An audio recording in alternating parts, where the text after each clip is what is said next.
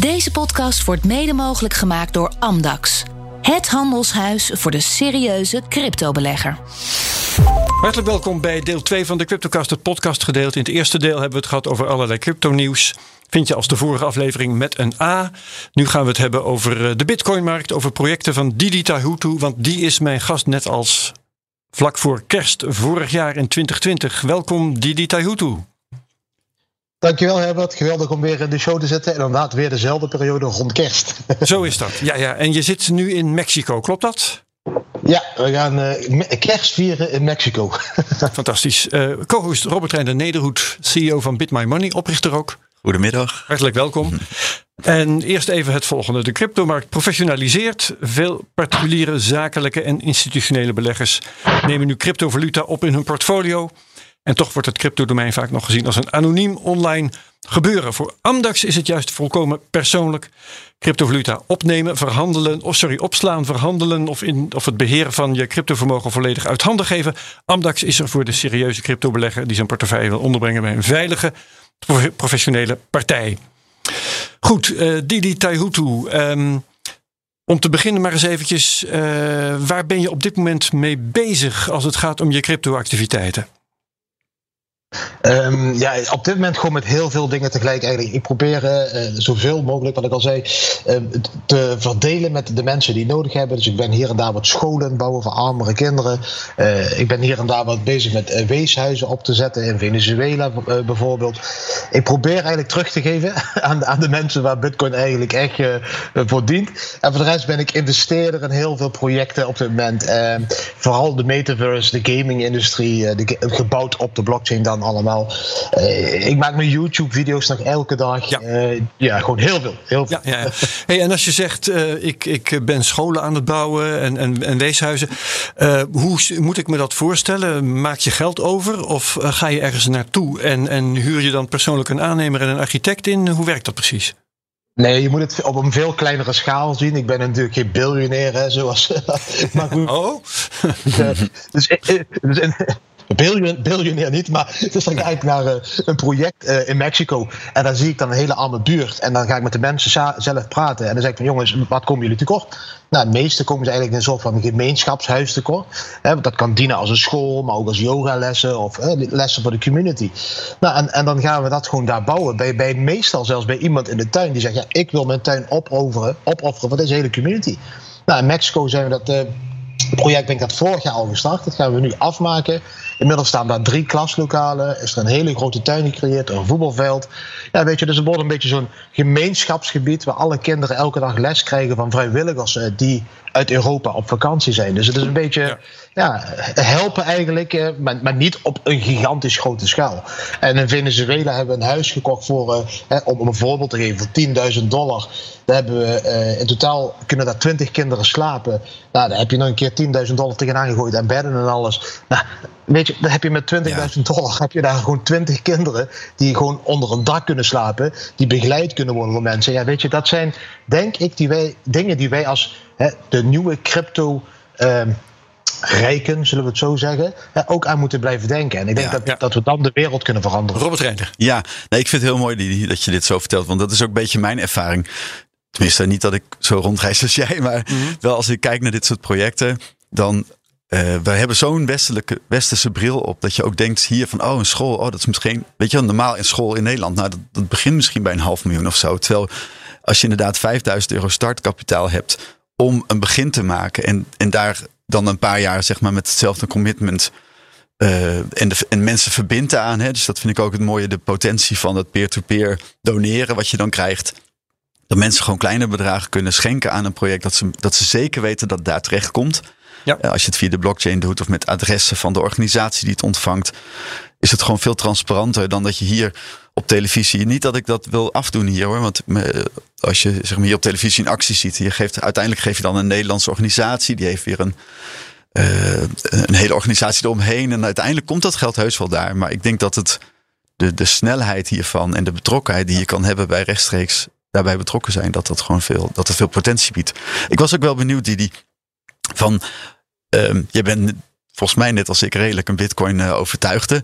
Wat voor, ja, wat voor initiatieven of ja, voorwaarden wil ik niet echt zeggen, maar hoe ga je dan ook zorgen dat zij daar uh, Bitcoin ook gaan gebruiken uiteindelijk? Of, of in ieder geval gaan sparen, zeg maar.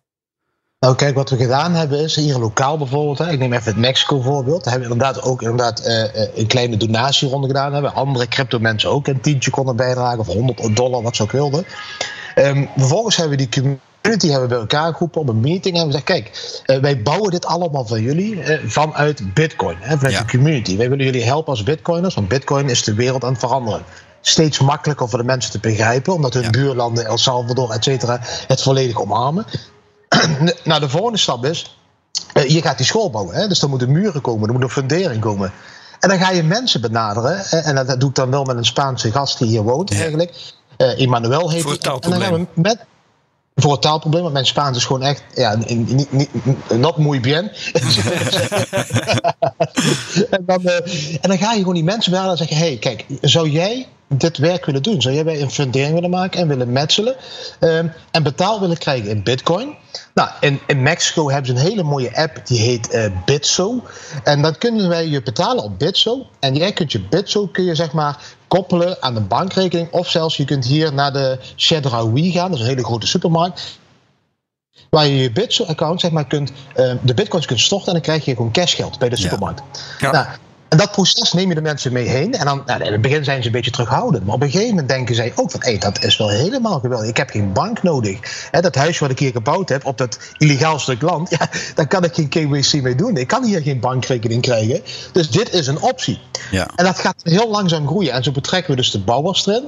Dus die worden inmiddels betaald. Nou, en de jeugd die wordt natuurlijk... Uh, buiten dat ze danslessen krijgen, capoeira lessen, bla bla bla, ga je ze natuurlijk ook een, een computertje neerzetten en ga je ze uitleggen, nou wat is bitcoin hè? en waarom is dat een nieuwe vorm van geld. Dus het is, ik zeg scholen, maar dus niet een klassieke school waar iemand achter een lesbankje gaat zitten en les gaat geven. Nee, het zijn de scholen zoals ik zou willen dat de kinderen les zullen krijgen. En dat is eigenlijk uh, het leren leven. En, en hun eigen cultuur weer heruitvinden. Uh, hoe, hoe bouw je, nou, bijvoorbeeld hier in Mexico, elk jaar tonnen kilo's aan zeewier die op aanstrand uh, komen. En daar hebben ze een heel groot probleem mee. En toen ben ik gaan kijken. En in de oude Maya-cultuur gebruikten ze dat zeewier om muren te metselen. Oh ja. Dus dat hebben we weer geïmplementeerd en weer geleerd. En ja, dus betrek je de hele community erin. En, en nou, dan ga je vervolgens de volgende stap zetten. En dus zeggen van, hoe kunnen wij nu bitcoins verdienen? Hè? En hoe kunnen we die makkelijker gaan besteden hier in Mexico? Ja, het is toch een soort economie die je opzet. Waarbij bitcoin een onderdeel is. Onderling betalen, sparen. Ik, ik denk dat het altijd moet beginnen uh, bij, bij de kleinere dingen. Bij gezin. Kijk, ik kan wel tegen hun zeggen, ja, de, de, de, de burgemeester van New York accept zijn, uh, accepteert zijn loon nu in bitcoin. En de burgemeester van Miami ja. uh, accepteert zijn loon in bitcoin. Voor die mensen. Ja, voor één maand, dat... hè? Ze zijn ja. niet zo overtuigd volgens mij als jij. Voor één of drie maanden, ik weet het niet precies. Maar dat is voor die mensen een zo ver van mijn ja. dat die, dat die kunnen daar niet aan relateren. Dus voor hun. Um, wat ik altijd zeg, ook over de educatie van kinderen. Je, kunt een kind een, elefo, een, een, een olifant in een boek laten zien. Hij zal dat nooit zo goed begrijpen, het kind, als dat hij een olifant in het echt ziet en voelt en ruikt. En voor deze mensen geldt datzelfde. Die zijn niet zo westers ingesteld en opgeleid dat ze uh, een visie kunnen vormen over de toekomst. Die moeten het zien, die moeten het voelen. Nou, dus je moet dat gewoon echt bij de kern van de community beginnen en, en uitleggen. En dan kan dat als een olievlek uitgroeien naar de hele community en verder en verder en verder. Ja. Maar dat is heel mogelijk, moeilijk vind ik dat om vanuit de, ja, vanuit de hoogte te doen. Ja, dat zullen ze niet begrijpen. Nee, ja. superleuk. Ik um, vind het leuk om even met je te praten, Didi, over een aantal projecten die je een jaar geleden hebt genoemd. Waar je toen mee bezig was. Uh, bijvoorbeeld de, de, de Family Coin, de Family Token, uh, waar je het toen over had. Hoe gaat het daarmee? Ja, uh, dat gaat nog steeds goed. Uh, het, het, volgens mij zit inmiddels op 7. We zijn zelfs naar 80 cent geweest gedurende deze boelrun. Inmiddels weer terug op 17 cent. Um, het, begint eindelijk een beetje te werken omdat de mensen begrijpen wat mijn idee daarachter is. Ik heb die Famicoin overigens twee weken geleden um, volledig gedecentraliseerd. Dus ik heb een volledige DAO-structuur opgezet. Um, maar leg eerst even uit, als je wil, voor de mensen die uh, zich die uitzending van vorig jaar niet herinneren, wat, uh, wat de bedoeling daarvan was, hoe het werkt.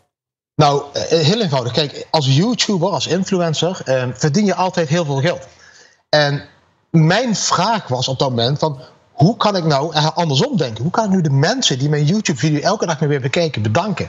Belonen voor het kijken. Belonen het kijken. En op dat moment waren de fees in Bitcoin eigenlijk te hoog op dat moment, hè, om, om, om zeg maar een Satoshi te sturen. De Lightning Network, dat begrepen de mensen nog niet. Dus toen heb ik gezegd, nou, ik start een Family Coin. En uh, dat is social money. Dat is weer een totaal nieuwe vorm van crypto's.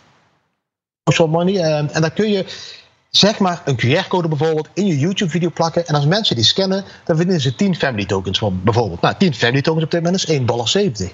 En mijn idee was, als nu de arme mensen over op de wereld ook gewoon mijn video's gaan kijken, daarmee opgeleid worden over Bitcoin, blockchain en live. En daar ook nog eens een keer 10 cent, 20 cent, 50 cent per dag kunnen verdienen door het, voor het kijken naar mijn video's. Um, dan creëer je weer een economie die zij kunnen doen. Kijk, die family maar ik heb wel een vraag daarover, want, want waar komt dat geld dan vandaan? Dat is toch uh, geen geld dat jij eerst verdiend hebt? Dus, dus, dus wie betaalt dat? Of, of betaal je dat dan uit eigen zak of zo? Eén kijkactie nou, kan toch nooit een dollar waard zijn?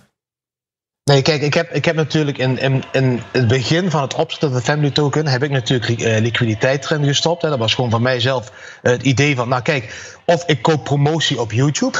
of ik doe 50.000 euro in een token en ik, uh, ik gebruik dat als promotie. Dat was voor mij hetzelfde idee. Okay. Nou, vervolgens hebben heel veel mensen dat idee gezien... en dan krijg je dus de vraag vanuit de community... hey, kunnen wij je niet helpen? Kunnen wij niet liquidity voorzien? En kun jij on ruil voor die liquidity ons weer elke maand een paar tokens geven? Nou, en dat is eigenlijk hoe de hele DeFi-industrie is opgebouwd. Dat is wat ze steken noemen. Dus nu zijn er dus heel veel mensen die zeggen: ja, Didi, wat jij doet met die family token, hè, en, en de, de winsten van de family token gaan ook naar die scholen en alles. Dat vinden wij leuk. Hey, wij gooien gewoon 10.000 dollar in die token. Nou, als wij elke maand een paar honderd dollar extra uh, rente erop vangen, vinden wij het goed. En dan creëer je dus eigenlijk de economie, ja, die dan vroeger de banken op een centrale manier gecreëerd hebben, nu weer op een ja. decentrale dus manier. Dus die token is een soort uh, digitale collectebus voor jou geworden. Kan ik dat zo zien? Uh, ja, collectebus en giftenbus. Uh, en, ja. En, ja, en, en, waar de mensen zeker van weten, ja, uh, er zit geen CEO met een Lamborghini waar de kosten heen gaan, maar direct naar de mensen die het ook verdienen. Ja, maar het blijft heel kleinschalig, hè? want op Uniswap kun je, je kunt geen serieuze marktkapitalisatie vinden en er is ook niet zo heel veel volume erin, of wel?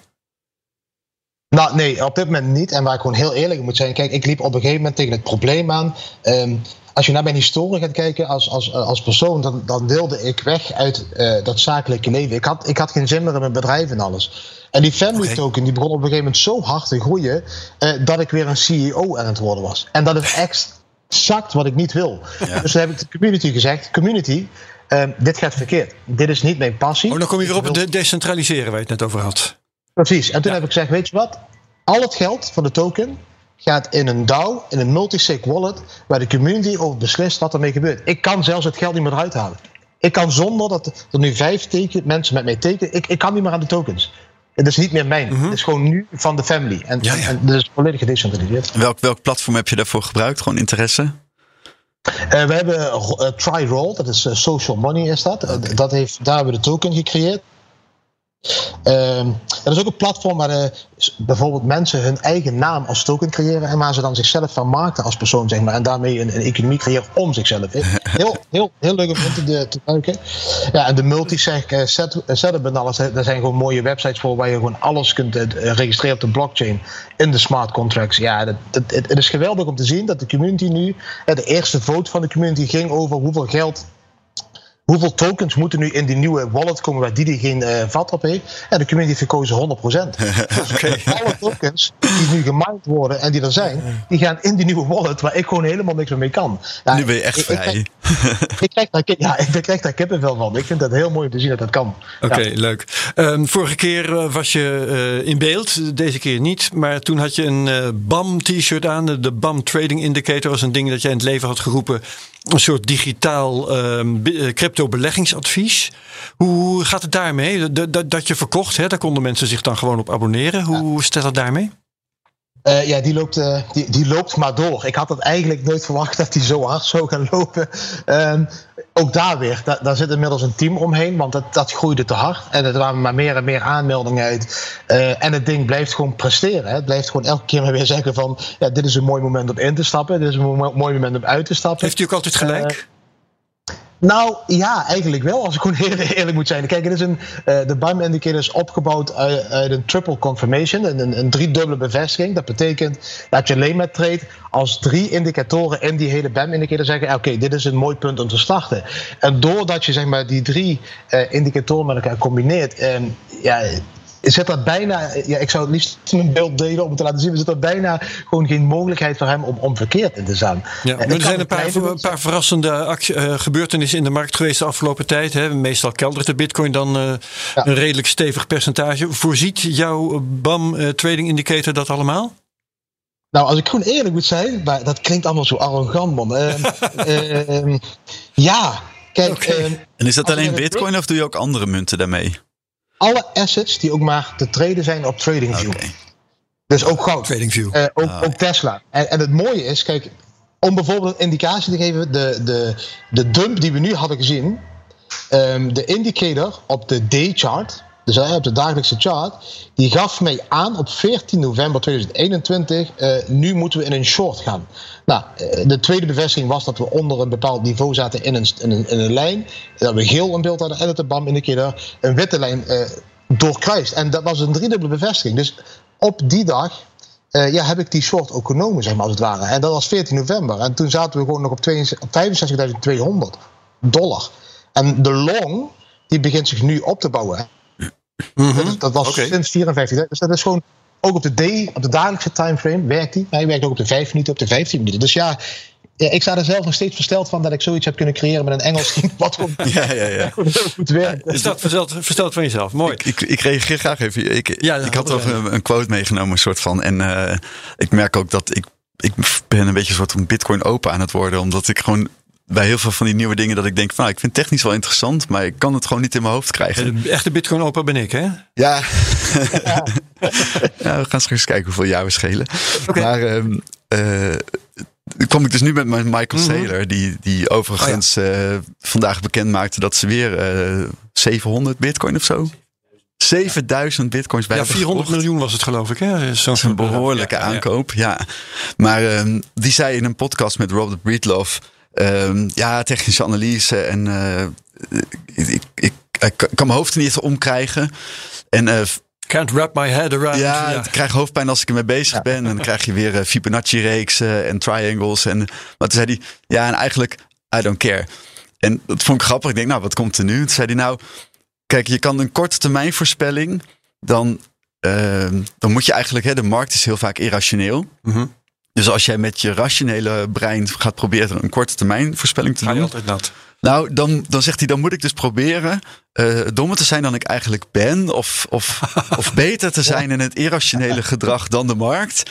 En, uh, ja. en dus dat is eigenlijk uh, best wel riskant. En de markt kan ook langer irrationeel zijn dan jij misschien ja. met je geld kan volhouden. Ja, precies. Dus hij zegt eigenlijk van ja, maar als ik naar tien jaar ga, dan kan je het zeg maar, hebben over fundamentals. En kun je gewoon gelijk krijgen zonder dat je irrationeel hoeft te zijn. En dan maakt het instapmoment ook niet uit. Dat is, eigenlijk, dat is dan de bottom line. Ja, want het gaat natuurlijk, er kan van alles gebeuren waar het alle kanten op gaat. Dat wil ik verder niet uh, de verhaal qua indicatoren ontkrachten. Maar meer van die rust, zeg maar, die heb ik zelf ook. Dat, ja, ik geloof heel erg dat Plan B met zijn fundamentals uh, op de goede lijn zit. Mm -hmm. Of dat dan december wordt, dit jaar of later. Ja, dat is voor zo'n model belangrijk. Maar voor ons... Who cares? Als fundamentele analyse zeg je, ja, er komen gewoon steeds minder bitcoins. Het netwerk van bitcoin gebruikers wordt groter. Dus het is onvermijdelijk dat het model ja, ja, gaat ja. gebeuren.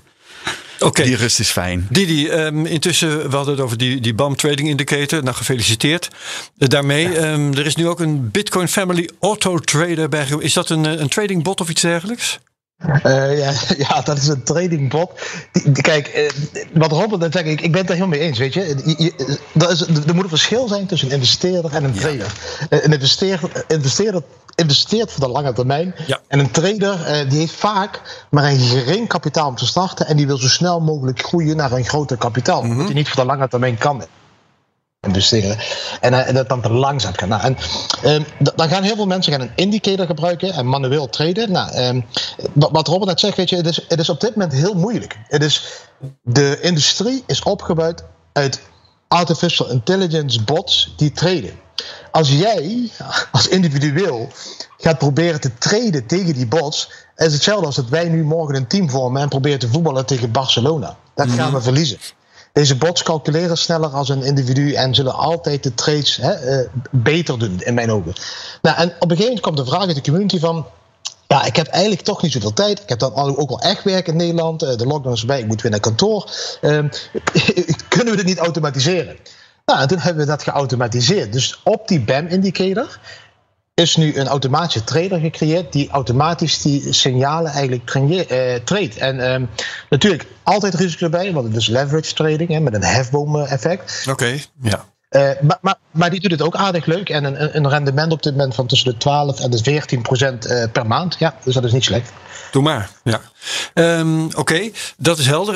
Um, aan het eind van de vorige CryptoCast, dat is dus alweer een jaar geleden, toen uh, vertelde je ook dat je op dat moment een, een, aan een plan bezig was. Dat had te maken met microleningen. Vertel wat daarvan is geworden. Nou, daar zijn we dus nu met de uitrol van bezig. We hebben dus een heel team van ambassadors eigenlijk opgezet uit verzameld over de hele wereld vrijwilligers die willen meehelpen daarmee. Wat we wilden doen is, we wilden eigenlijk kleine leningen van 200 uh, eh, dollar zeg maar, geven, 250 dollar aan mensen, zonder rente. Hè, in de family token. Dus wat we doen is, we geven hun eigenlijk 200 dollar om noem het op, een computertje te kopen of een naaimachine te kopen of wat dan ook. In elk geval om, om um, hun vaardigheden om te zetten in, in, een, verdien, een, verdienmodel. En uh, daar zit dan ook geen dwang uh, bij om terug te betalen. Dus gewoon de vraag van uh, betalen we een keertje terug. Nou, we hebben het laag gehouden om, omdat we zoiets hebben, nou, als er één of twee niet terugbetalen, nou, dat kunnen we ook nog wel missen. Um, op dit moment hebben we iets van 12 mensen hebben daar, zijn we mee in testen. Hebben we 200 dollar geleend. Eén man heel leuk verhaal. Uh, die heeft een fiets gekocht. En dat zijn dan dingen waar ik helemaal niet bij stilsta. Dus die man die zegt, ja, ik wil gewoon een fiets kopen. Ik zeg, ja, maar ik zeg, ja, dat is geen verdienmodel. Hij zegt, je wel, want met die fiets dan kan ik gaan werken uh, voor Uber Eats. En dan kan ik uh, bezorging gaan doen. Nou, perfect. Ja. Nou, die man die heeft die fiets gekocht. Die heeft dus nu bezorgingen doen. En, en, en die betaalt heel af en toe eens een keer een dollar of twee dollar terug. nou goed, dat zijn gewoon leuke dingen om te doen. Maar dat is niet dat ik zeg van dat moet een hele grote organisatie worden. Het is gewoon leuk om hier en daar mensen te kunnen helpen als ze in nood zitten. Ja, ik, ik had in Ghana, in Ghana, in Ghana had ik een vergelijkbare. Uh, kwam ik ook een beetje op dat idee. Dat je ziet van. Dat je toch eigenlijk, als je niet. Hè, dus die olifant. Ik was, de, ik was dan diegene die een olifant moest zien. En dat was dus zelf daar op de grond staan. Dat er zijn heel veel mensen die leveren elkaar diensten. Dus daar hoef je niet eens een fiets voor te kopen. En op het moment dat je. Dus, maar dan zou ik het wel met Satoshis willen doen in plaats van met Family Coin, vooralsnog. Maar goed, op het moment dat je een klein beetje zo'n economie kan starten, waarbij mensen gewoon inderdaad voor, voor een paar euro uh, aan elkaar diensten gaan leveren. Die dan misschien uit een soort van goed doel potje komen. Mhm. Wat ze later dan weer opsparen en, en uh, terugbetalen. Of, of in ieder geval pass it on. Hè? Dus als jij een euro hebt gekregen of, of 10 euro en je doet daar iets voor. Uiteindelijk verdien je dat terug. Dat je dan aan een andere persoon datzelfde weer gaat doen, dan kan je volgens mij echt wel uh, de Bitcoin boodschap verspreiden. Terwijl je ook nog mensen helpt om, uh, om, om ja, iets op te bouwen. Maar is de Bitcoin daar noodzakelijk voor? Nee, is niet noodzakelijk. Ja, ja, ja. Maar kijk, maar als je de, ik, je geld hebt dankzij Bitcoin, dan doe je het op die manier. Nou, ik zie meer dat Bitcoin zelf onvermijdelijk is. En dat je dus wil kijken naar, net als die die nu met die, met die dorpen en met die scholen. Van ja, um, als je dan mensen nu zeg maar ja, het is niet de hele tijd alleen maar mensen helpen. Dat vind ik een beetje uh, paternalistisch of zo. Maar het is wel. Kijk, er zijn plekken waar mensen gewoon graag iets willen. En als je daar dan dus kan bijdragen daaraan. En meteen ook. Uh, ja, het is toch evangelisatie, ja. Economische evangelisatie, ja, sorry. Verspreid de blijde boodschap. En uiteindelijk heeft iedereen er baat bij. Ja, Didi? Ja, wat ik eraan toe wil voegen is, het is voor mij niet alleen te doen om het doneren, maar het is voor mij ook om te doen, uh, het gaat mij om leading by example. Ja als ik zie dat de crypto community nog steeds alleen maar Lamborghini koopt, een dikke huis koopt, oh ja, ik krijg kipvel van die media laat zien, dan zo ik, irritant. Raak ik geïrriteerd. Ja. En dan denk ik bij mezelf, weet je wat, ik ga het anders doen. Misschien ben ik die oude zak hier in crypto die, die wat anders doet. Maar doordat ik dat deed vorig jaar in Mexico, heel leuk verhaal. Ik deed dat vorig jaar in Mexico, ik begon die school te bouwen. En toen was uh, Chris, MM Crypto uh, en Da Vinci, die waren bij mij in Tulum. En die zeiden, ja, wat ben jij mee bezig? Ik zeg, ja, school bouwen. Dus ik doneer dat allemaal zelf. En toen zei hij, kunnen we meedoen? Ik zei, nou, misschien kunnen we YouTube show. En zo heb ik hun toch betrokken in iets doordat ze zich ook een beetje ge, uh, gepressured voelden. Hè, want de community van hun zei: hey, Didi die is veel kleiner dan jullie, maar die bouwt een school. Waarom bouwen jullie, bouw jij geen school? En toen hebben we een YouTube-show samen gedaan. En toen hebben we 500.000 dollar opgehaald. Wauw. En daar hebben we nu meerdere scholen in Mexico van aan bouwen. Dus het is voor mij leading by example. Wij moeten het voorbeeld ook geven. Weet je, die, die jeugd die nou zo explosief rijk wordt in een korte periode. Dat, is, dat zijn jonge mensen. Toen ik die leeftijd had, tussen de 20 en 30, ja, gaf ik het geld ook uit aan een paar uh, schoenen met rode zolen. Of, uh, weet ik dat mensen kopen tegenwoordig. Maar ik denk, ja, wij als ouderen. Ja. Members moeten daar ook weer gewoon een, een, goed voorbeeld geven, in mijn opinie. Dus uh, ja, dat is ook voor mij een reden. Laten we eens even kijken naar, naar Bitcoin plekken uh, op de wereld. De voornaamste, we komen st straks op Citadel, waar jij mee bezig bent en bent geweest. Maar laten we eerst even kijken naar El Salvador, want dat is het afgelopen jaar groot nieuws geweest. Um, ja, hoe, hoe kijk je aan tegen de ontwikkelingen daar? Die, uh, nou ja, bitcoin wettig betaalmiddel, het nodige rumoer in het land. Um, wat, wat maak jij ervan? Je zit er redelijk bij in de buurt. Ben je er geweest eigenlijk? Nee, de planning is dat we uh, het kerst hier in uh, Mexico uh, vieren. En vervolgens gaan we via El Salvador naar Costa Rica afzakken. Dus dan ga ik dat ook bezoeken. Okay. Ja, hoe, hoe kijk ik daar tegenaan? En ik, ik, denk dat heel veel mensen het woord legal tender, hè, dat ze op Twitter voorbij zien komen, helemaal niet begrijpen. Weet je, oh ja, dat is cool. Nou, weet je, nee. Het betekent dat het een wettig betaalmiddel is. Hè. Ja. Dat betekent dat um, de overheid gestandardiseerd is, uh, de bitcoin als door de overheid gestandardiseerd is voor betalingen, door burgers. Maar het betekent ook dat de overheid uh, het bredere gebruik van um, die legal tender, van het wettig betaalmiddel, kan afdwingen. Dus dit is een hele grote stap. Ja, wacht eventjes. Dan val ik even in de reden. El, elke keer als, um, als uh, mensen klagen dat uh, in het FD gebeurde dat bijvoorbeeld dat Bukele, de president daar, uh, zijn land opzadelt met bitcoin, hè, of bitcoin uit zijn land opdringt, dan zeg ik nee, dat is niet zo. Want niemand is verplicht om bitcoin te gebruiken. Hooguit zijn ondernemers verplicht om het te accepteren. Maar um, dat, dat lijkt in strijd met wat jij nou zegt. het is toch nou. prettig, zou ik zeggen, dat het niet hoeft. Het, het moet toch niet? Nee, het moet niet, op dit moment niet. Maar zodra iets een legal tender wordt, zou het door de regering ook um, afgedwongen kunnen worden om zou, deze ja. alleen maar te gaan gebruiken. Dat, mm -hmm. dus dat is een mogelijkheid. Ik denk niet dat ze dat gaan doen. Nee. Maar dat is wel een mogelijkheid. Weet ja, je? en het en, is ook een beetje een technisch verhaal.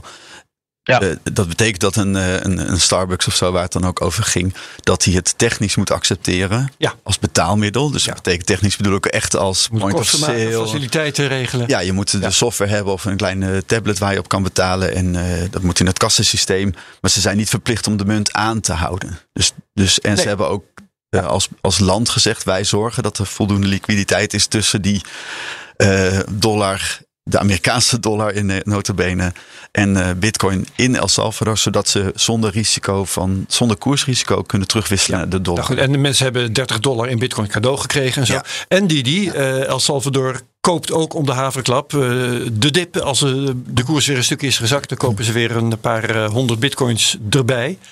Dat, Ik neem aan dat jij dat als bitcoin maximalist ook toejuicht. Ja, ik, ik, ik vind dat echt, echt geweldig om te zien. En ik, ik vind het mooiste dat gewoon meer en meer regeringen ja. uh, uh, in het bezit zijn van bitcoins. Hè. Weet je, we weten allemaal dat uh, Bulgarije volgens mij 120.000 bitcoins of zo in bezit heeft als regering zijn. Geconfiskeerd. Of zeggen, dat hadden ze in beslag genomen, geloof ik, hè, van, de, van de oplichters. Ja, ja, ja, oplichters. Ja. maar um, ja, El Salvador doet het ook. En weet je, ik ben me een beetje in verdiepen in, in de wallets allemaal tegenwoordig. En, uh, dus ik vraag me af welke wallets zij gebruiken. Kijk, en, en er zijn op dit moment, uh, ik, ik hou nu al sinds een aantal maanden, een maand of zes ongeveer, uh, een van de grootste wallets ter wereld bij. Uh, die is de nummer drie grote wallet, zeg maar de Whales als het ware. Die man, die heeft dus van, uh, man, entiteit, wat het ook is, heeft van duizend bitcoins op januari Um, op dit moment een wallet weten te creëren van uh, 114.000 bitcoins. Zo. En ja, dat is gigantisch om te zien dat die gast elke keer op het perfect, perfecte moment koopt en verkoopt. Hè. Als hij verkoopt, dan weet je dat twee dagen later de markt gaat dumpen. En ik denk dat zo'n regeringen als El Salvador uh, dit soort patronen gaan analyseren hè, en dan vervolgens ook op die manier hun bitcoins gaan eigenlijk proberen te vermeerderen. En ik geloof dat zij allemaal begrijpen dat Bitcoin langzamerhand verandert in het goud van de 21ste eeuw. Um, en, en, en regeringen hebben altijd op goud uh, uh, zeg maar, geleefd, als het ware. Hè? Ja, totdat het ooit losgekoppeld werd, zullen we maar zeggen, van de dollar. en ik denk dat. Um, El Salvador en meerdere landen dat nu zien. Hey, dit kan het nieuwe digitale goud zijn. Ja. Wij kunnen nu die stap maken die Amerika en allemaal die landen toen dat met het fysieke goud gemaakt. Ja, en, en vijf jaar geleden kwam uh, Saifedin Amous al met dat boek uit hè, van de Bitcoin Standard. En toen dacht ik nog van, oh, ik heb hem natuurlijk gelezen, maar van, uh, oh, een knipoog naar de goudstandaard. En uh, eigenlijk dat, dacht ik toen nog dat het een beetje als een, een grap bedoeld was. En toen ging ik hem lezen. En dan zie je gewoon wel van ja, hij stippelt eigenlijk gewoon de, rationele argumenten uit waarom Bitcoin heel erg goed geschikt is als ja. uh, reserve asset voor een centrale bank of voor een bedrijf. Maar toch elke keer dat dat getest wordt, zoals pas weer toen uh, de Omicron variant uh, op de proppen kwam, dan zou je zeggen beleggers vluchten in goud. die koppen zie je dan bij wijze van spreken voor je. Maar ze vluchten niet in bitcoin, want de bitcoin koers keldert gewoon met de aandelen mee. Ja, maar toevallig ik heb wat zicht op wat er dan gebeurt. Bij ons zagen we in ieder geval, oké, zolang die koers stijgt nemen mensen wel wat winst. Maar als hij echt hard omlaag gaat, zien we alleen maar kopen. Of nou, niet alleen maar, maar dan zie je echt het zwaartepunt verschuiven naar kopers. Accumulatie. Ja, ja, en ook het, het, het, je ziet het punt verschuiven van um, de emotionele uh, retail investors, uh, de normale mens, uh, ja. naar, naar de grotere wallets. Hè. Dus je ziet dat de, Bitcoin believers, die er al langer in zitten, of nieuw erin zijn gekomen, dat, dat die gaan op die moment te kopen. Ja. Het, het gekke is dan wel, uh, dat, dan kun je zeggen, oké, dat zijn de mensen met kennis van zaken en zo. Maar dat betekent dat uh, de kleine man, die hier eigenlijk het meest bij te winnen zou hebben, dat die juist verliest. Didi, wat zeg je daarvan? Ja, duizend procent mee eens. Maar dat, het probleem is dat we, we roepen dit met honderden YouTubers, met miljoenen volgers. en de kleine man die leeft voornamelijk in angst. En die is op dit moment alleen maar bezig met niet geld, maar met overleven en uh, discussies over mondkapjes en lockdowns. En uh, daar is de kleine man mee bezig. En, en die, die denkt niet aan hoe kan ik onafhankelijk worden door mijn kapitaal te gebruiken uh, en zeg maar een leven daarvan op te bouwen. En Helaas is dat zo. En ik zeg al, we zijn met miljoenen uh, in totaal. Als je alle YouTubers bij elkaar kijkt, telt, ik denk wel een, ja, miljarden misschien volgers. En de mensen luisteren gewoon niet. Ik zei in, in 2017 in De Wereld Draait Door. Uh, of een pauw was het volgens mij, zei ik al. Jongens, Bitcoin wordt het goud van de 21ste eeuw. Ja. Nou, die mensen hebben me recht in mijn gezicht uitgelachen. Weet je wat het is? Ja, ik zit er nog. Ik zat nu bij BGDEC. Die shows van hun zijn allemaal, zijn allemaal ophoudend te bestaan. Dus ik denk, misschien hadden zij toch een beetje het goud van de 21 eeuw moeten investeren. Ja, maar die, die bestaat gewoon nog. Ja. ja ik, denk, ik denk wel dat dat gewoon een kwestie van tijd is. Want je ziet wel dat het verhaal verschuift. Hè. Dus de, waar de mensen dus wel naar luisteren zijn die angstverhalen. Van oh ja, oh, dus, dus, maar je ziet daar wel dat het arsenaal aan angst ook wel een beetje opraakt. Dus was het eerst drugs of uh, nou, noem het hele riedeltje maar op. Het is nu wel zo dat omdat het uh, in je belastingaangifte al staat dat je ook je bitcoin bezit moet opgeven, al een paar jaar. Ja. Of uh, omdat er nu regulering is. Wij kunnen als bedrijf ook nu zeggen, ja, we zijn geregistreerd bij de Nederlandse bank. Mm -hmm. Dan denk ik toch dat... Uh, meer status. Meer status en meer geaccepteerd. En dat het, het groepje mensen wat echt uit angst het niet doet ik denk dat we nu meer zitten aan de mensen die dan dat toch even die hype weer nodig is. Ja, ja. En dat, het was pas in, in het uh, eh, NOS-journaal, geloof ik, dat een kwart van de jeugd uh, ja. is al gewoon met crypto bezig. Ja, die hebben wel. Uh, ja. Die, die, we, we hadden het over citadels en dergelijke. Tenminste, ik haalde El Salvador erbij.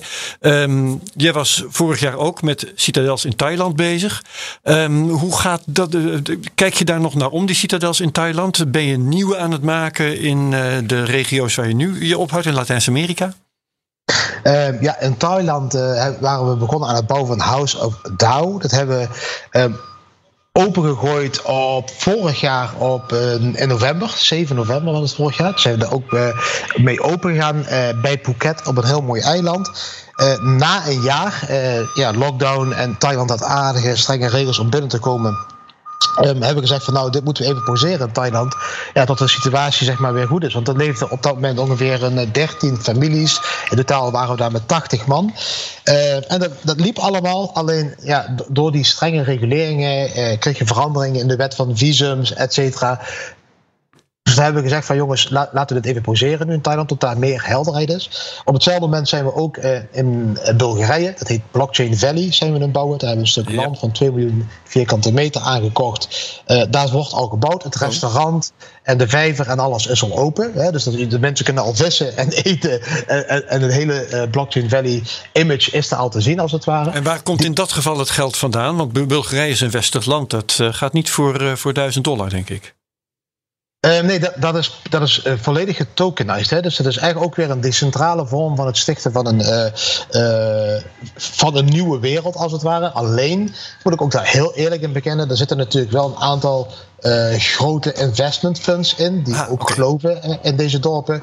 En heel wat mensen uit Dubai.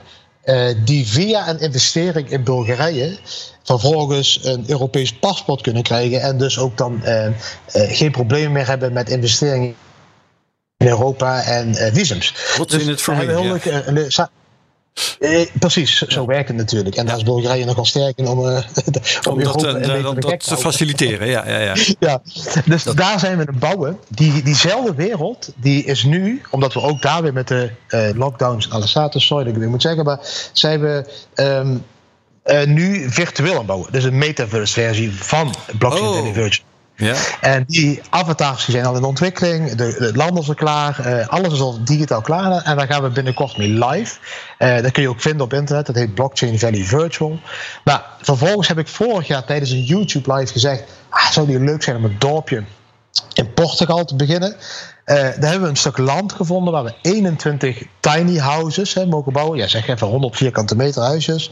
Uh, zelfvoorzienende huisjes. En, en daar zijn we nu mee bezig in het aankoopproces van het land, het tokenizen. Samen met een heel cool Nederlands team.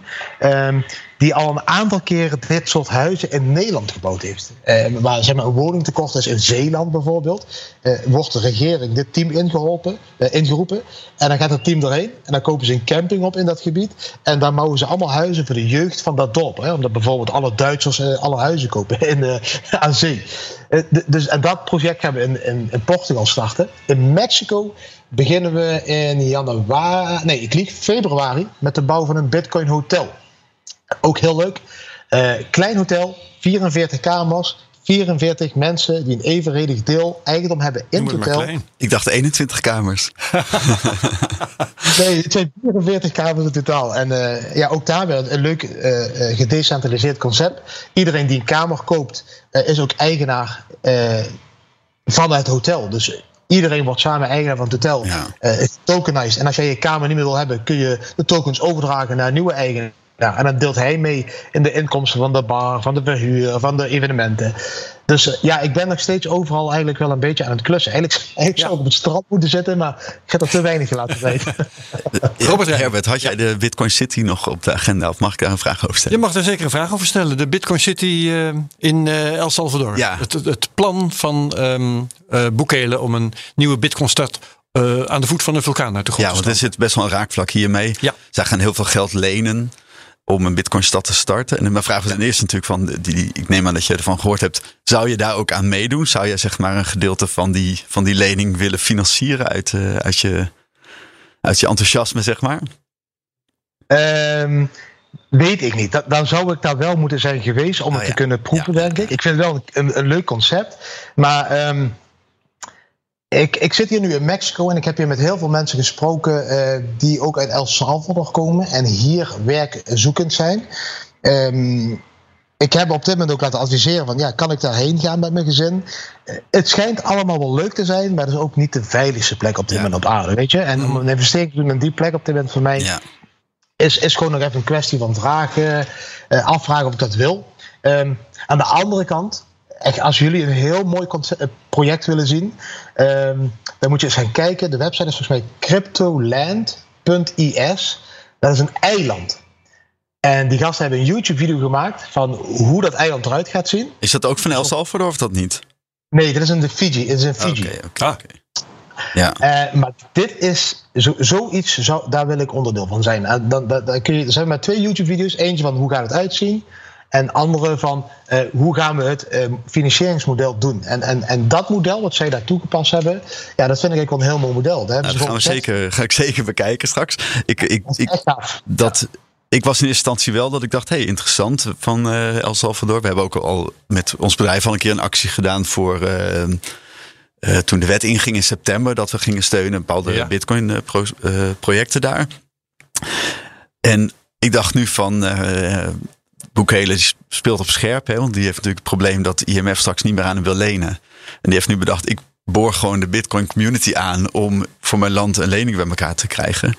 En ja. uh, Joost Kuppenveld, dat heb jij waarschijnlijk niet gezien, uh, Didi, want dat stond in het FD. Ik, het zou natuurlijk kunnen dat je dat ook nog bijhoudt van naast al je drukke projecten. Maar die had best wel leuk uh, parallel getrokken tussen Ajax en, uh, en Bukele. Dus uh, de Ajax, Ajax in El Salvador. Nou ja, dat, dat Ajax vroeger tien keer was overschreven toen de uitgifte was. Terwijl de Ajax aandelen. De Ajax aandelen ja, uitgifte, ja, ja, Dus die is naar de beurs gegaan. En uh, uh, eigenlijk alle Amsterdammers die uh, fan waren, die gingen soort van tegen beter weten in toch aandelen kopen. Omdat ze gewoon. terwijl toen de top van de, van de club bijna al was geweest, was zijn stelling. Ik heb verder geen verstand van voetbal. Um, maar ik vond het geloofwaardig. Dus hij zei ook van ja, eigenlijk uh, rationeel gezien is er voor, voor El Salvador de lening, is er geen reden om het te doen, want ze gaan de helft in bitcoin aanhouden. Nou, dan kan je net zo goed gewoon zelf bitcoin, bitcoin aanhouden. Kopen, ja, ja, ja. Je krijgt maar 6,5 procent. Vind ik trouwens helemaal niet slecht, maar goed. Uh, waarschijnlijk hoog risicoland, dus dat 6,5 procent is niet zo heel veel. Um, maar, ik had natuurlijk in het voorgesprek met uh, Daniel over de, de, wat hij, waar hij volgens mij aan voorbij ging, is dat als je dus met El Salvador is de casus. En als je als bitcoin spaarder kan de casus waar kan maken, dus bij kan dragen, dan zou het nog best wel eens kunnen dat ook Bukele wordt overschreven met zijn, uh, met zijn leningen. Ja, ja, ja, of vanwege de emotionele waarde. Ja, en als, uh, als, ja, jij, uh, als jij een, een, verzameling aan bitcoins hebt en je gaat een klein gedeelte daarvan ja, uitlenen aan El Salvador, die vervolgens daarmee echt iets neerzet, dan, ja. dan is dat ook goed voor de rest van je geld. Ja. Nou, buiten dat feit denk ik ook dat. Um, kijk, de, voor mij, ik zou het super leuk vinden om zoiets te supporten. Maar, ja. maar dan zou ik ook zeggen van. Uh, uh, dan doe ik het met twee bitcoins. Want dan krijgen de mensen ook, weet je wel, mijn, mijn El Salvador residency. Ja, ja, ja, ja, ja. ja, ja. ja dan, moet je, dan moet je drie doen. Ja, drie, ja, van drie, ja. ja. Nou goed. Ja, dat is wel een nadeel hoor. Want ze hebben daar wel. Hij heeft nu wel allemaal dingen gezegd die echt heel erg op de emotie inspelen. Dus uh, het wordt een uh, stad die vrij is van belasting. En ja. uh, of allemaal een beetje populistische dingen. Dat ik denk van ja. Het is toch wel discutabel. Eigenlijk als hij nou gewoon het een beetje sociaal zou opzetten, dan zou ik het weer iets positiever nou, goed, De eerste paal moet nog de grond in. Ja, dat is mij. Dus we zullen het allemaal afwachten. Um, Didi, Uh, je vertelde net ook in verband met die family token dat je die onder andere in het leven had geroepen uh, om de fees te ontlopen. En je zei de Lightning Network was toen nog vorig jaar nog niet zo geweldig in actie. Dat is intussen toch wel anders, denk ik. Ben je, ben je nu actief bezig met dat Lightning Network?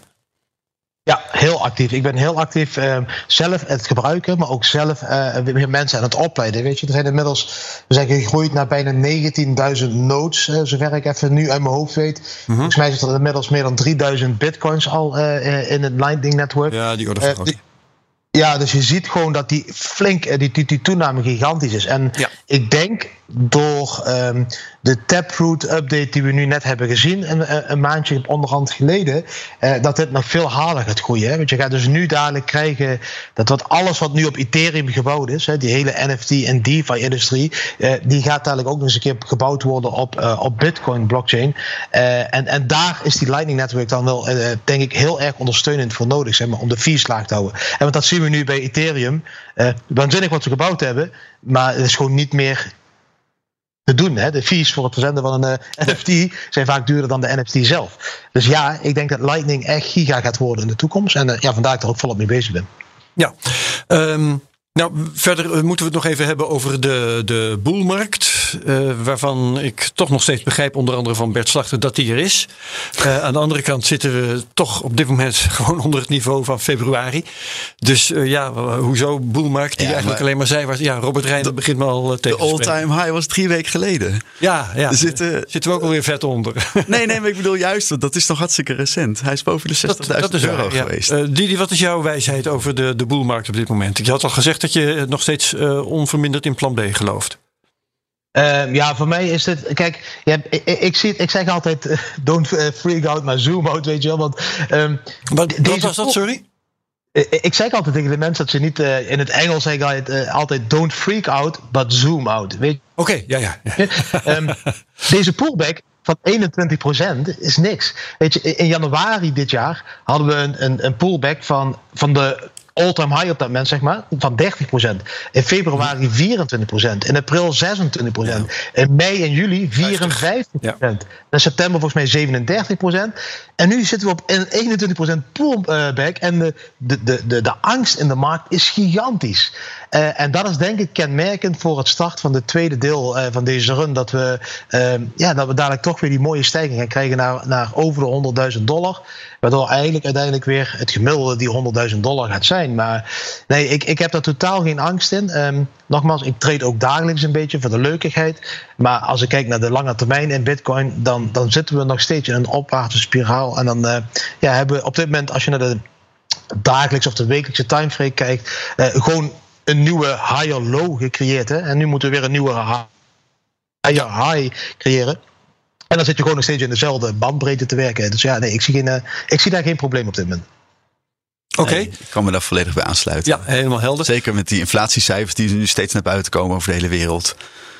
Dat, Ik denk dat daarmee in gaat dalen van oké, dus de euro's die, oké, okay, ik krijg al geen rente meer. En de euro's die ik spaar of de dollars die ik spaar. En dan, dan kan ik uh, over een maand kan ik er alweer minder van kopen. Ja, ja um, ik, vond, ik vond het wel mooi. Sorry, sorry. Dat ja, geen gang hoor. Nee, jij bent ik, ik vond het wel, Heel mooi uh, dat je daarover spreekt, over die inflatie. Ik, ik deed gisteren toevallig een tweet. Uh, mensen denken in inflatie altijd dat uh, producten duurder worden. Hè? Dat is het meest grijpbaar. Hè? De, de is nu 50 cent duurder. Mm -hmm. ik vond het wel leuk. Ik zag gisteren een mooi voorbeeld van verborgen inflatie. Nou, die potpindakaas, die, die, kost nog steeds hetzelfde. Maar er zit dan bijvoorbeeld nu zeg maar 50 gram in, in plaats van 100 gram. Ja. Dus dat is een, een, soort van... Ik zag een hele leuke tweet van de producten Cascade, zoals heette, dat weet ik wat. En, en er zat vroeger 1,7 kilo in. Uh, nee, nu nog 1,7 kilo. En er zat vroeger 2,12 kilo in. Maar de prijs was niet veranderd. Maar dat is ook een verborgen inflatie van 26% Je krijgt gewoon 26% minder voor je geld terug. Ja. Uh, en ik denk dat de mensen dat helemaal daar zijn ze niet mee bezig. Daar zijn ze niet mee bezig. Ja, er is in het Engels ook een woord voor shrinkflation. Shrinkflation. Ja. ja. Maar goed, um, intussen is uh, voor november dat uh, floor model van uh, Plan B is misgelopen. Um, daar hebben we het in het radiogedeelte van deze CryptoCast al over gehad met Bert Slachter. maak jij je zorgen over die, die modellen van Plan B verder? Um, ik, ik, maak me totaal geen uh, beetje plan B. De, wat de mensen vaak verkeerd begrijpen. Um, ik vind het trouwens heel leuk. Ik, ik app tegenwoordig best wel wat vaker met plan B over, over uh, wat spulletjes. Uh, maar um, de mensen begrijpen niet dat hij drie modellen heeft. Hè? En drie modellen met allemaal drie verschillende targets. Nou, ja. één model is nu eigenlijk een model waar je van zegt: ja, we hadden naar 288.000 dollar kunnen gaan. Ja, dat, dat is wat minder bereikbaar. Nou, hij, hij zegt dat het nog mogelijk is, hè? Is het ook trouwens? Ja, dat uh, cross-asset stock-to-flow model. cross-asset stock-to-flow model. Ja. ja. dat verschillende assets, goud, zilver en onroerend goed en zo uh, met bitcoin verenigd. Maar ga verder, uh, ja. Nee, ja, dus, dus, dus ik geloof wel nog in het stock-to-flow model. En, en, en, en als je kijkt, naar Bitcoin en de prestatie van Bitcoin ja, in de laatste jaren, dan, dan zie je dat hij natuurlijk elke andere asset uh, gigantisch uh, outperformed heeft. En ik denk dat Bitcoin dat zal blijven doen. En ik denk hè, dat mensen zitten te wachten dadelijk op een beermarkt van 80%. Um, en dat is denk ik wat Plan B bedoelt met ja, het kan nog altijd uh, doorgaan. Ik, ik zie die 80% pullback niet meer. Ik denk wel als je kijkt naar de vorige pullback in 2017, dat was de eerste was 40%. En toen kregen we een bounce. En dan heb je die trap. En dan, daarna vielen we nog een keer. En ik denk dat hoe meer long-term investors, uh, smart money, het, het, slimme mensen met slim geld, uh, in deze markt stappen. à la MicroStrategy, Michael Saylor. Ja. Deze mensen die gaan dadelijk niet uh, hun bitcoins dumpen op een top. Die gaan weer. En zo, ja. Grayscale, weet je, daar gaat zoveel geld. Op dit moment zitten we volgens mij uh, rond de, de, de market cap van zilver. Uh, nou, uh, goud zou 10 triljard moeten zijn. Nou, de, de, komende vier jaar moeten we in de buurt bij die 10 triljard market cap komen. En dan die vier jaar daarna zouden we in de buurt moeten komen bij, bij de real estate, volgens mij, een market cap die, die rond de 80 triljard ligt, dollars. Dus ja, als je die spiraal bekijkt, dan groeit Bitcoin heel mooi naar, elke keer naar een hogere market cap van een van die assets. Dus ja, ik denk, ik denk dat ja, de sky is the limit daarin. En, en, en dan, dan, net zoals we toen dachten in 2019, oh, Bitcoin op 3000, nou 100.000, dat kan nooit. Uh, ja, we hebben al 60.000 gezien dit jaar, weet je. Ja, dus maar MicroStrategy die zegt ook, wij gaan nooit onze Bitcoins verkopen. En dan vraagt iemand, oh, maar je moet toch een keer te gelden maken. Maar je ziet dus dat je nu, dan zegt hij nee, wij gebruiken het als onderpand. Dus je krijgt nu ook voor particulieren. En krijg je steeds meer van die producten. Wat, waar Coinbase nog voor op de vingers was getikt. Dat je je bitcoin stalt en dat je geld kan lenen. Waarbij je bitcoin als onderpand dienen. Dat is straks voor iedereen toegankelijk. Dus dan wordt het, de neiging om bij een hoge top te gaan verkopen. Wordt gewoon lager. Want je hebt gewoon je bezit. En je hebt gewoon een agenda van horizon van 10 jaar of meer. En ja, als je gewoon wil leven, hoef je niet te verkopen. Dan leen je dat beetje voor die aanbetaling op die auto. Of ik weet niet wat voor uh, orde van grootte je zit te denken. Maar. Ja, ja oké. Okay. Ehm, oké, okay, Didi, tot slot. Eh, we hebben straks eind 2021 en dan begint 2022. Kun jij me even een prognose geven voor uh, waar we dit jaar eindigen en waar we volgend jaar naartoe gaan? Um, nou, eh, eh, mijn sell orders dit, voor dit jaar, uh, die staan gestaffeld vanaf 94.000. Dus vanaf 94.000 begin ik een beetje te verkopen naar stablecoin. Okay. dan gaat het over mijn, over mijn trading portfolio. Uh -huh. Ik verwacht dat we 117.000 dollar gaan aantikken. Uh -huh. um, en ik denk dat we de nieuwe bodem... Uh, rond de 40.000 dollar gaat liggen. Dus als we een pullback krijgen, dan denk ik dat we nooit meer dieper gaan dan 40.000 dollar. Nou, misschien een week, hè, dat je nog even naar 38 of 37.000 dollar. Maar ik denk dat dat dadelijk de, de nieuwe bodem is. En dan, um, ik denk als mensen dat gaan begrijpen, uh, dat als ze goedkoper dan 40.000 dollar hebben ingekocht en dat we daar nooit meer onder gaan zitten, dat de mensen ook dan de angst verliezen van, oh, wanneer moet ik verkopen? Want je zult altijd in winst blijven. Dus ja, voor mij is dat uh, de prognose. Um, als we een extended bull market krijgen, eh, wat een gedeelte van de markt verwacht, zoals Deze podcast wordt mede mogelijk gemaakt door Amdax. Het handelshuis voor de serieuze crypto krijgen naar rond de 80, 70.000.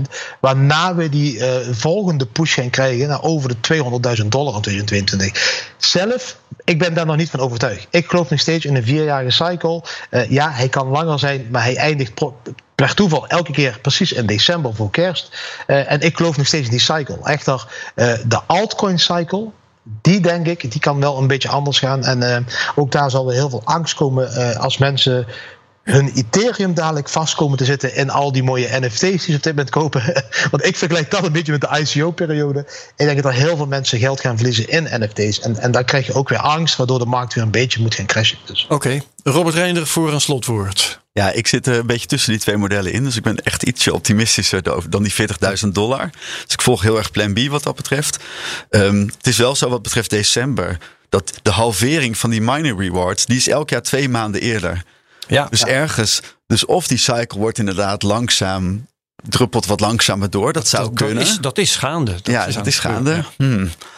Of uiteindelijk gaat het dan straks toch wel gewoon. Uh, nou, die halvering komt er gewoon weer aan. Ja, nee, ik zit toch wel, ik hou toch wel op die 50.000 dollar aan als bodem. Als bodem. Ja, ja volgend jaar. En als stop? Nou, ergens tussen de 100 en de 150. Oké. Okay. Goed. Mooi. We gaan uh, dat zien en uh, dan komen we er bij jullie wel een keer op terug om jullie te confronteren met uh, hoe goed of hoe fout je het had. In een kartonnen doos. ja, ik neem afscheid van Didi Taihutu, hoofd van de Bitcoin Family. Dankjewel Didi en veel alle goeds daar in uh, Mexico. Robert Rijder Nederhoed, oprichter van uh, Bit My Money. Ook bedankt voor uh, ja, het zijn van co-host deze keer. Zet de CryptoCast van volgende week in je agenda. Dan verschijnen we in een iets andere vorm. Want ik ben er dan niet. En de presentatie gaat overgenomen worden door Bert Slachter voor een keertje. Gast en co-host kondigen we dan later aan op Twitter. Als je deze aflevering leuk vond, deel hem op Twitter met de mention at CryptoCast.nl. Reviews op Apple Podcasts worden we beter gevonden. Like, subscribe en comment op YouTube. Wat mij betreft bedankt. En graag tot de volgende keer. Dat zal dan over twee weken zijn. En over een week tref je hier Bert Slachter aan. Bedankt en dag. Hoi.